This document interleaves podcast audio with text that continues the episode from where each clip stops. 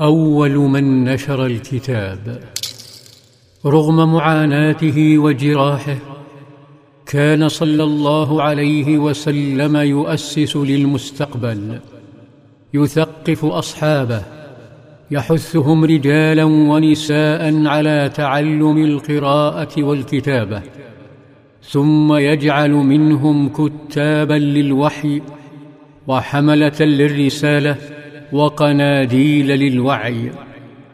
يقول لهم من سلك طريقا يلتمس فيه علما سهل الله له به طريقا إلى الجنة.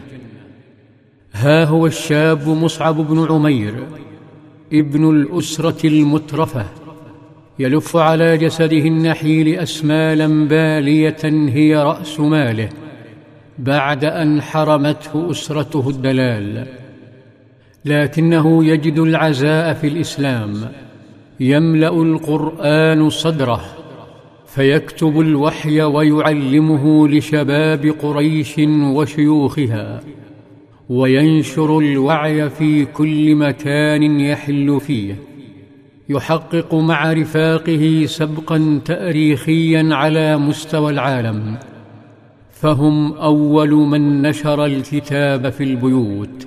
كتاب الله الذي يحوي عقيدة وعبادة وتربية وأخلاقا وفقها وسياسة واقتصادا وتأريخا ومنهج حياة.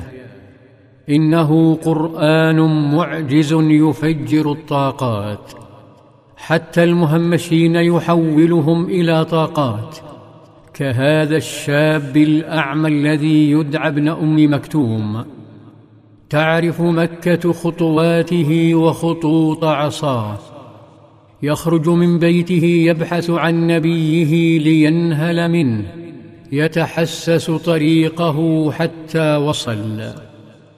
وجد النبي صلى الله عليه وسلم مشغولا بدعوة طاغوت إلى الإسلام. لكن شغفه بطرقات الجنة جعله يلح. يا رسول الله أرشدني. فجعل صلى الله عليه وسلم يعرض عنه ويقبل على الآخر فيكرر نداءه حتى عبس النبي صلى الله عليه وسلم. كان ذلك العبوس حركة لا إرادية. كانت ستمضي دون علم أحد لكن الله أنزل آيات تعاتب نبيه من أجل هذا المسكين. فاستدعاه وحياه واعتذر منه وتلا عليه عبس وتولى أن جاءه الأعمى.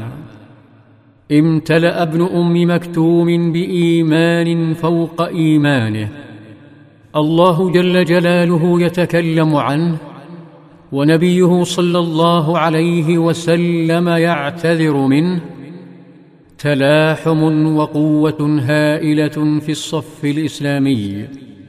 حاول المشركون صدعها خاصة عندما رأوا ستة من الفقراء حوله.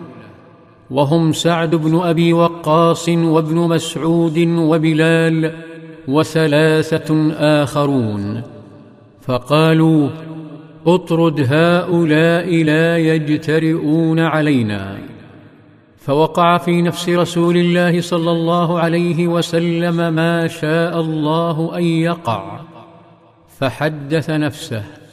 فأنزل الله عز وجل كلاما لا ينقله إلا الأمين. ولا تطرد الذين يدعون ربهم بالغداة والعشي يريدون وجهه. ما عليك من حسابهم من شيء وما من حسابك عليهم من شيء. فتطردهم فتكون من الظالمين. أصبح صلى الله عليه وسلم أكثر حبا لهم ولجوارهم حتى خارج حدود الدنيا.